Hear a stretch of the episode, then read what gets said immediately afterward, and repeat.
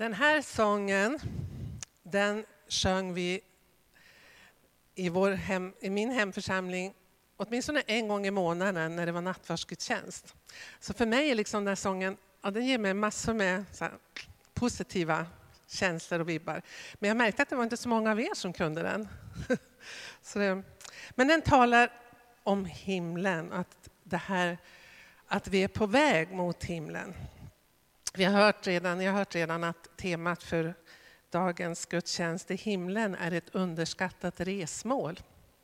Och Bibeln talar ju om oss som att vi är på vandring genom livet på vägen till himlen. Man kan säga att vi lever i mellanrummet mellan Jesu död och uppståndelse och hans återkomst. Något som vi bekänner i nattvardsgudstjänsten inte minst. Idag började vi, eller nästan började i varje fall, med att sjunga O hur saligt att få vandra. Och den är ju en sån här sång med det här pilgrimsmotivet.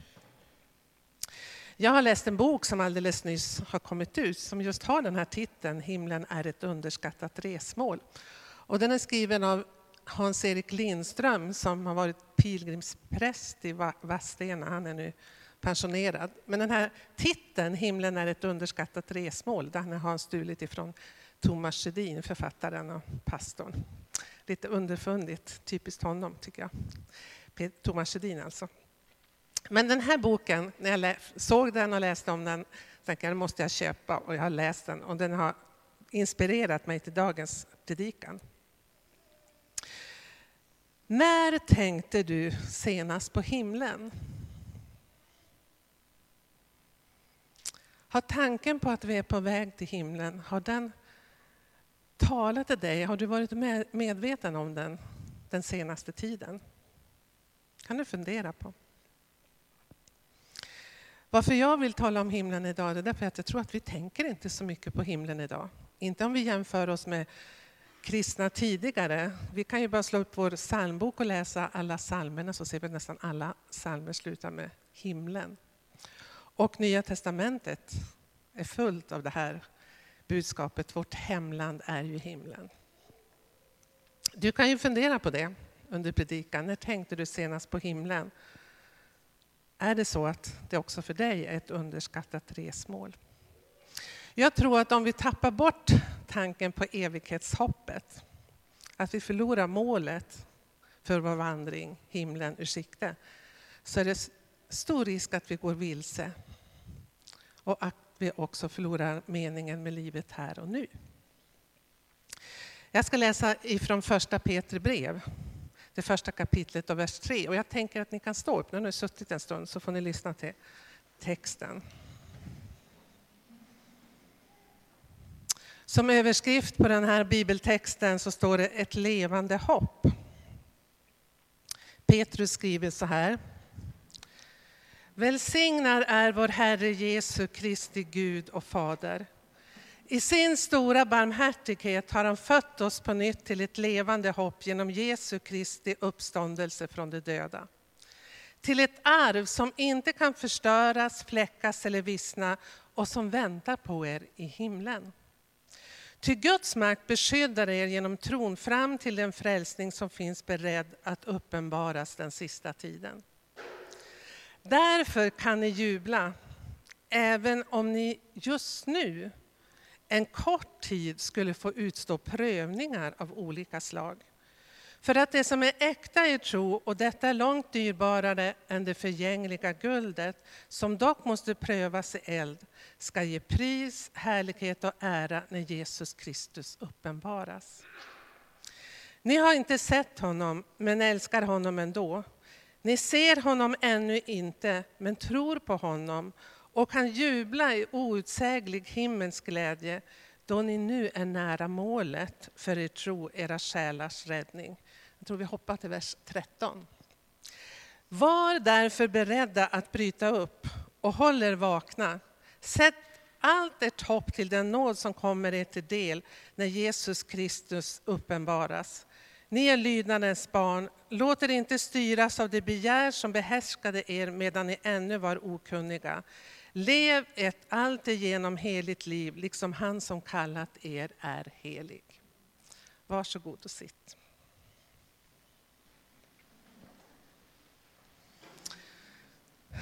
Petrusbrevet, det första brevet här, är skrivet till de kristna som då levde i nuvarande Turkiet, mindre Asien. Och Petrus skriver till kristna som upplever prövningar och lidande. Och då kan man ju undra, vilken slags lidande? Och det är något som bibelforskare har forskat runt omkring. Och man tror att de lidande som Petrus syftar till är liksom, ja, lidande som vi människor möter i vår vardag, även vi som lever ett ganska privilegierat liv. Kanske sjukdomar, motgångar på olika sätt. Men det är också ett lidande som mötte de här första läsarna av det här brevet. De är utsatta för prövningar från omgivningen, människor som vill få dem att överge sin tro. Det kan vara släktingar, vänner, grannar som stod dem nära. Petrus han börjar sitt brev, precis som jag har läst här, om att påminna de första läsarna om det levande hoppet som de har fått genom Jesu Kristi uppståndelse. Alltså vi har ett hopp om en framtid som väntar på oss i himlen, ett arv som väntar dem i himlen, som väntar oss också. Men det är förankrat bakåt i tiden, i Jesu Kristi uppståndelse. Så det är ett fast förankrat hopp bakåt och så är det ett hopp förankrat i framtiden. Och Petrus han stryker under att det här arvet som väntar på oss i himlen, det kan ingen ta ifrån oss, ingen makt. Utan Gud har makt att beskydda det här arvet och vår vandring till, hem till himlen, kan man säga. Beskydda oss också. Och då kom här, kommer de här vers 6 då. Därför kan ni jubla även om ni just nu en kort tid skulle få utstå prövningar av olika slag. Därför, varför kan vi jubla just nu? Jo, därför att vi har ett arv som väntar på oss där framme i himlen när vår vandring på jorden är slut. Därför kan vi jubla just nu. Jag tycker att det är bra att ha det här perspektivet just nu och det arv som väntar oss. Han skriver om att för att det som är äkta är tro och detta långt mer dyrbart än det förgängliga guldet som dock måste prövas i eld. Och när vi läser de här verserna tänker jag, jaha, sänder Gud prövningar för att vi ska bli bättre kristna? Jag är inte så säker på att det är alltid Gud som sänder prövningar, utan det här livet innebär att vi möter prövningar. Här nere på jorden, när vi vandrar här, så möter vi prövningar. Håller vi fast vid Gud och vår tro på Jesus Kristus, då renas vi. Då mognar vi som kristna på den här vandringen till himlen. Är ni med? Det är mer mognad än en rening. Sen kommer de här orden som jag tycker är så fina. Ni har inte sett honom, alltså Jesus Kristus, men älskar honom ändå. Ni ser honom ännu inte, men tror på honom och kan jubla i outsäglig himmelsk glädje. Jag vet inte om det är någon här som har sett Jesus Kristus. Det finns ju sådana som har fått uppenbarelser av Jesus Kristus i drömmar eller syner och så. Jag har inte fått någon sån tydlig uppenbarelse. Men jag anar, jag har en bild av Jesus Kristus. Jag har en längtan efter att få möta honom. Och jag älskar honom. Och du kan ju tänka, hur är det med dig? Längtar du efter att få möta Jesus Kristus hemma i himlen?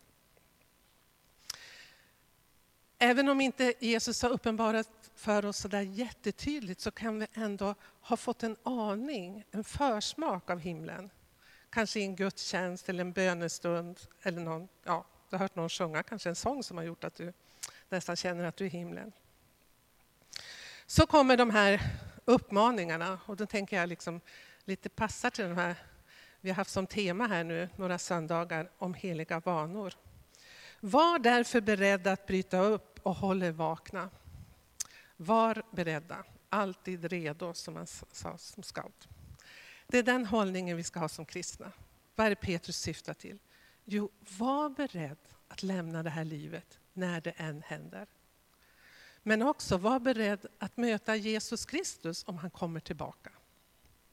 När jag var ung då hälsade vi varandra med den här hälsningen när man sa adjö till någon. Då sa man om Herren dröjer och vi får leva, då ses vi igen nästa år eller nästa vecka eller nästa söndag. Man sa det alltid när jag växte upp, åtminstone som pingstvänner. Om Herren dröjer och vi får leva. För att påminna varandra om att det inte är säkert att vi ses igen. För Herren kan komma tillbaka eller döden kan plötsligt komma och ta oss, rycka oss bort från det här livet. När som helst. När, om vi lever beredda att bryta upp, hur lever då? Vill, då vill vi leva ett liv som behagar Gud. Och så kommer nästa uppmaning. Sätt allt ert hopp till den nåd som kommer er till det när Jesus Kristus uppenbaras. Petrus han levde i den förväntan att Jesus skulle komma tillbaka mycket snart. Och han tänkte att Jesus kommer med nåd. Sätt allt ert hopp till den nåd som uppenbaras när Jesus kommer. Men sen kommer han också med vers 14. Ni är lydnadens barn, låt er inte styras av det begär som behärskade er medan ni ännu var okunniga. De här begären som vi verkligen har blivit påminda om den här veckan, ytliga begär som att vi vill skaffa oss mer och mer prylar. Vi tror att det är det som ska göra oss lyckliga. Det är ju inte det. Men vi faller lätt i den fällan. Men det är inte bara sådana begär. Vi påverkas ju av hur människor tänker runt omkring oss.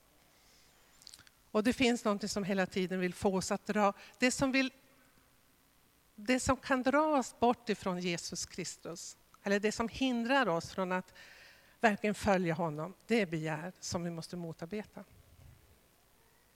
Och så kom orden, lev ett alltigenom heligt liv, liksom han som har kallat er är helig. Det anknyter ju till heliga vanor.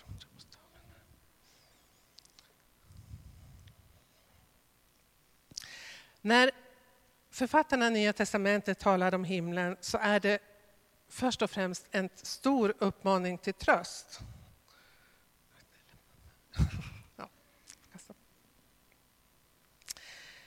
En stor uppmaning till tröst och hopp, ett levande hopp. Men det är också som ni sett en förmaning.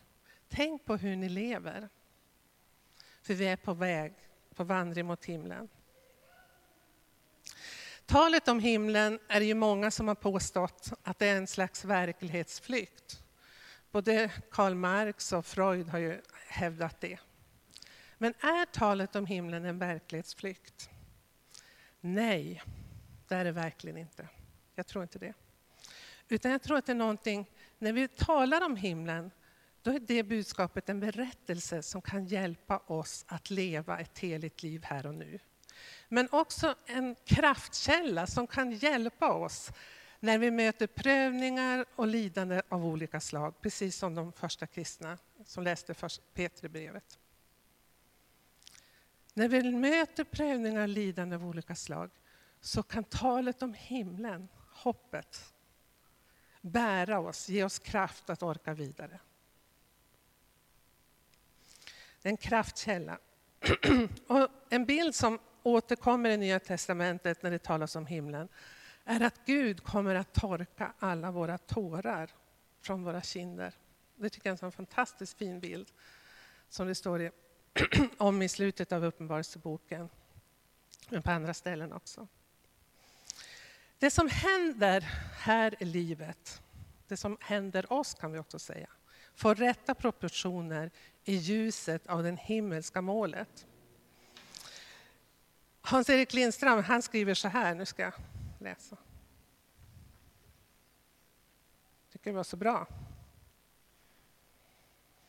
Har jag en gång bejakat det faktum att det kommer en dag då jag måste lämna allt, då gör det inte så mycket mer om något tas ifrån mig. Det kommer en dag när vi måste lämna allt. Tänk vad svårt vi har att inse det. Men om vi verkligen bejakar den tanken så är det lättare att, att acceptera att saker och ting tas ifrån oss på vägen. Tanken på döden hjälper mig att relativisera det mesta jag gör och upplever i mitt liv.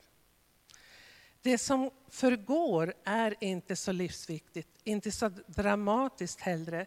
Endast det som består har tyngd. Det som förgår. Det som består, det är ju vår relation till Jesus Kristus och vår tro. Men det är väldigt mycket som vi ägnar vår energi åt som inte är av bestående värde. När man läser böcker av människor som står i, jag kanske drabbas av en livshotande svår sjukdom till exempel, så märker jag att de ofta går igenom en prövning där de funderar på sitt liv och ser på sitt liv i relation till döden som snart de vet ska komma. Och vad är det för någonting de inser då? Jo, alla inser det faktum att, att jaga efter materiella tillgångar, efter karriär och så vidare och samla på sig mer pengar och prylar, det är liksom oviktigt i dödens närhet. I dödens närhet blir det viktigaste för den som har tron på Jesus Kristus att hålla fast vid den. Men också våra relationer som vi bygger här i livet, under livets gång. Vi måste, I dödens närhet vet vi att vi måste ta vara på de relationer som vi har just nu.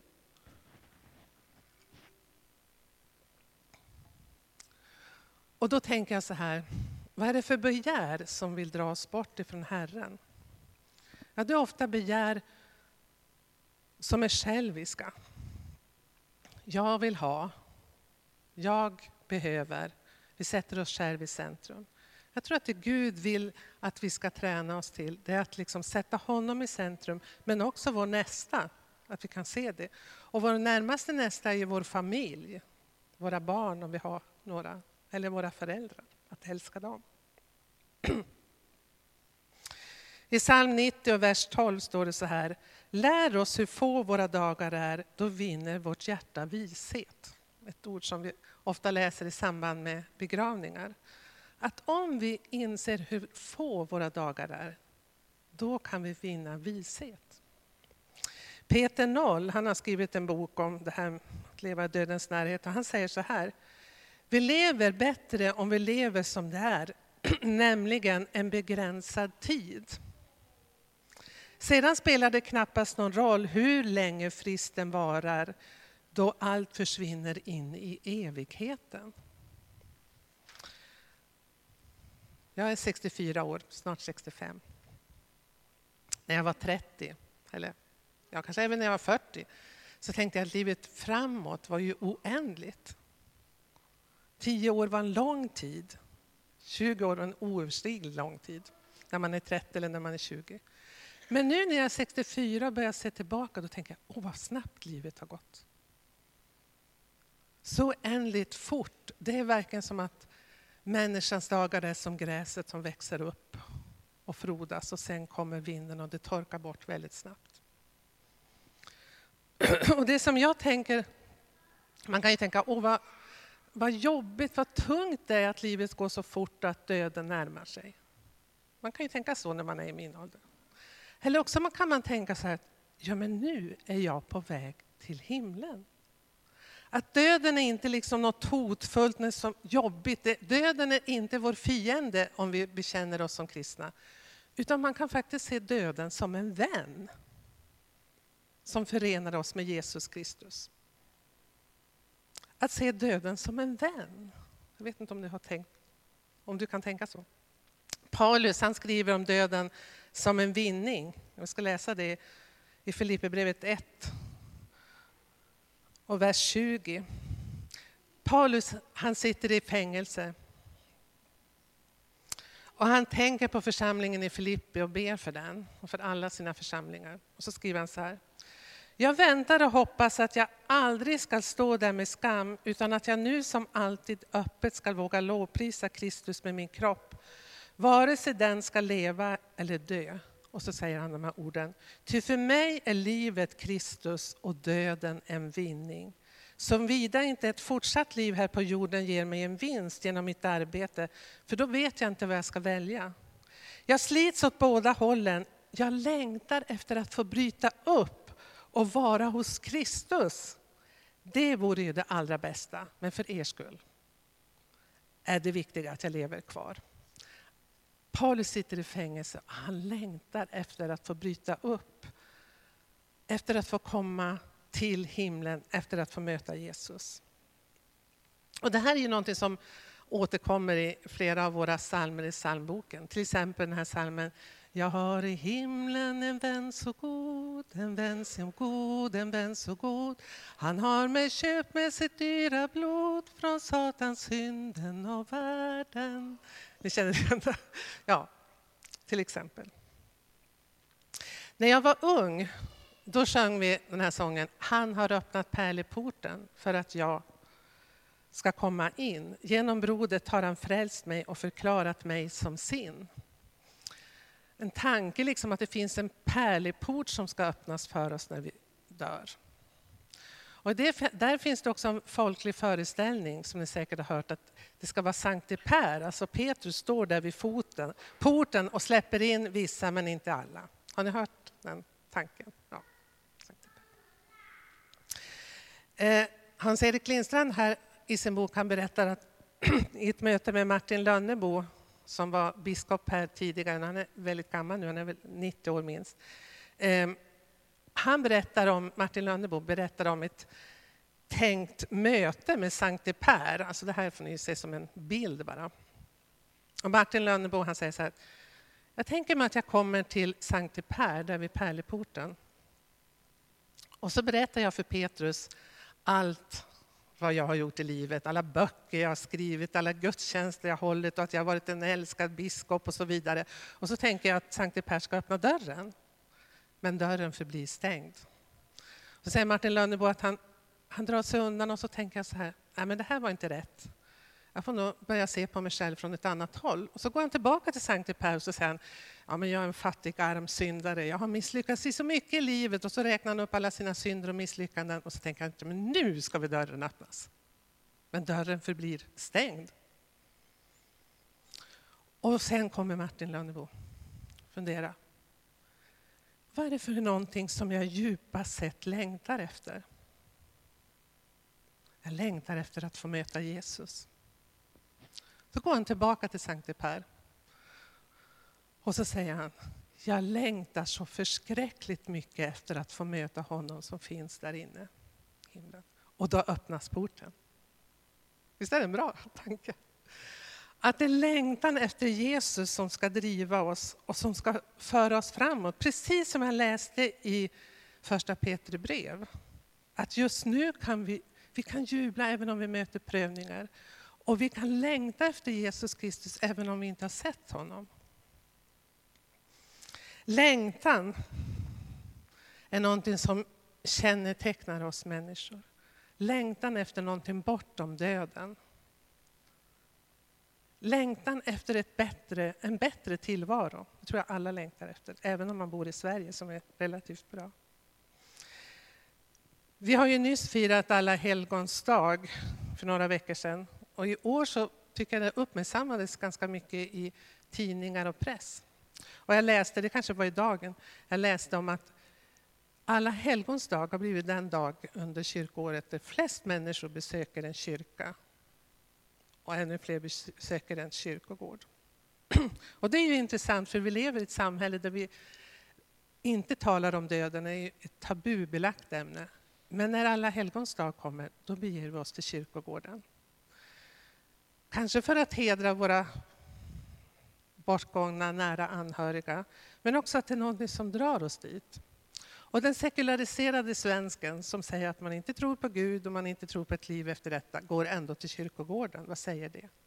Kanske att man har någon längtan efter någonting bortom döden. Och en längtan efter att få mötas igen.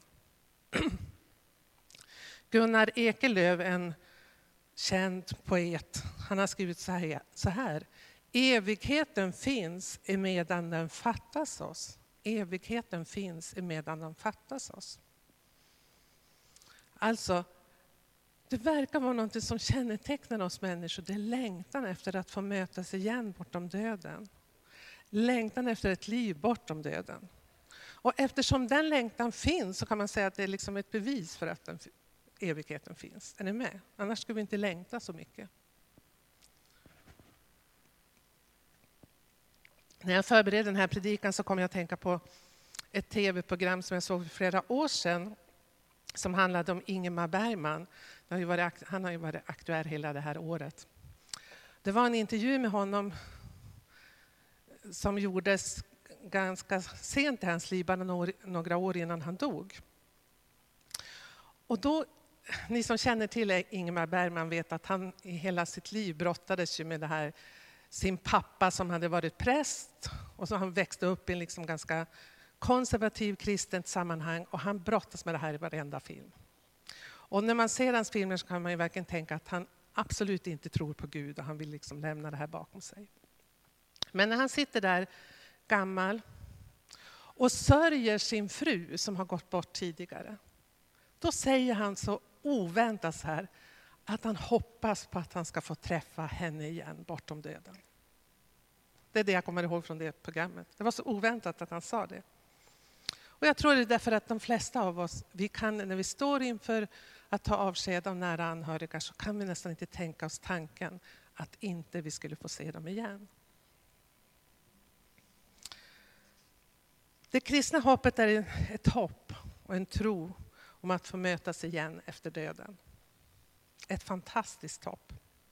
Och jag har sagt det många gånger förut, jag säger det igen, att varje gång jag är officiant i samband med en begravning och så sen i slutet av begravningsgudstjänsten får läsa orden som Jesus säger.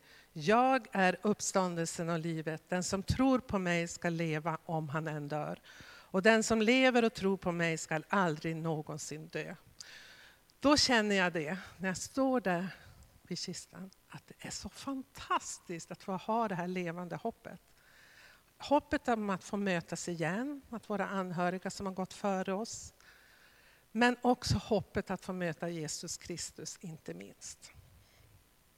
Och nu vill jag avsluta med att säga så här. Vi ska snart i vår gudstjänst fira nattvard.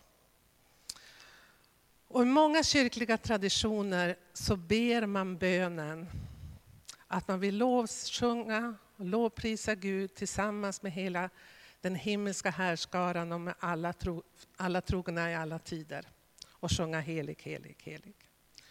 Det är en väldigt central kristen tanke att tänka att när vi firar gudstjänst, som vi gör här, så firar vi gudstjänst tillsammans med änglarna i himlen. Vi lovsjunger Gud tillsammans med änglarna i himlen.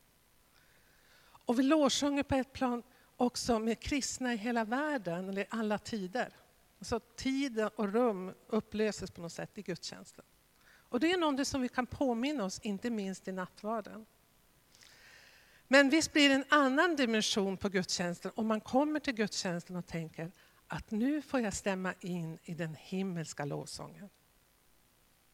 Än om vi bara tänker att ja, nu är jag här med mina gamla församlingsmedlemmar som jag sett massor med gånger förut. Ja, vi kanske tycker att det är roligt att mötas, vi, det hoppas jag att vi tycker. Men det är också fantastiskt att tänka att vi är del av en mycket, mycket större verklighet. Att i himlen pågår det ständigt en gudstjänst som Johan, eh, aposteln Johannes fick uppleva och som han berättar om i Uppenbarelseboken. När han fick se in i himlen och ser att framför tronen står de äldste och änglarna och varelser och tillbe Gud. Och att vi får göra det när vi möts och firar gudstjänst. Ja, vad vill jag säga med min predikan idag? Jag vill påminna oss om att vi är på vandring mot himlen. Och att målet är framme kan ge oss tröst och uppmuntran men också förmana oss till att leva ett heligt liv här och nu. Målet, himlen, kan vi ha som en kraftkälla att tänka på. Vi ber. Herre, jag ber att du ska tala till oss och uppmuntra oss med budskapet och berättelsen om det himmelska hemmet. Att du väntar på oss med öppna armar och vill ta emot oss. Jag ber om det i Jesu namn. Amen.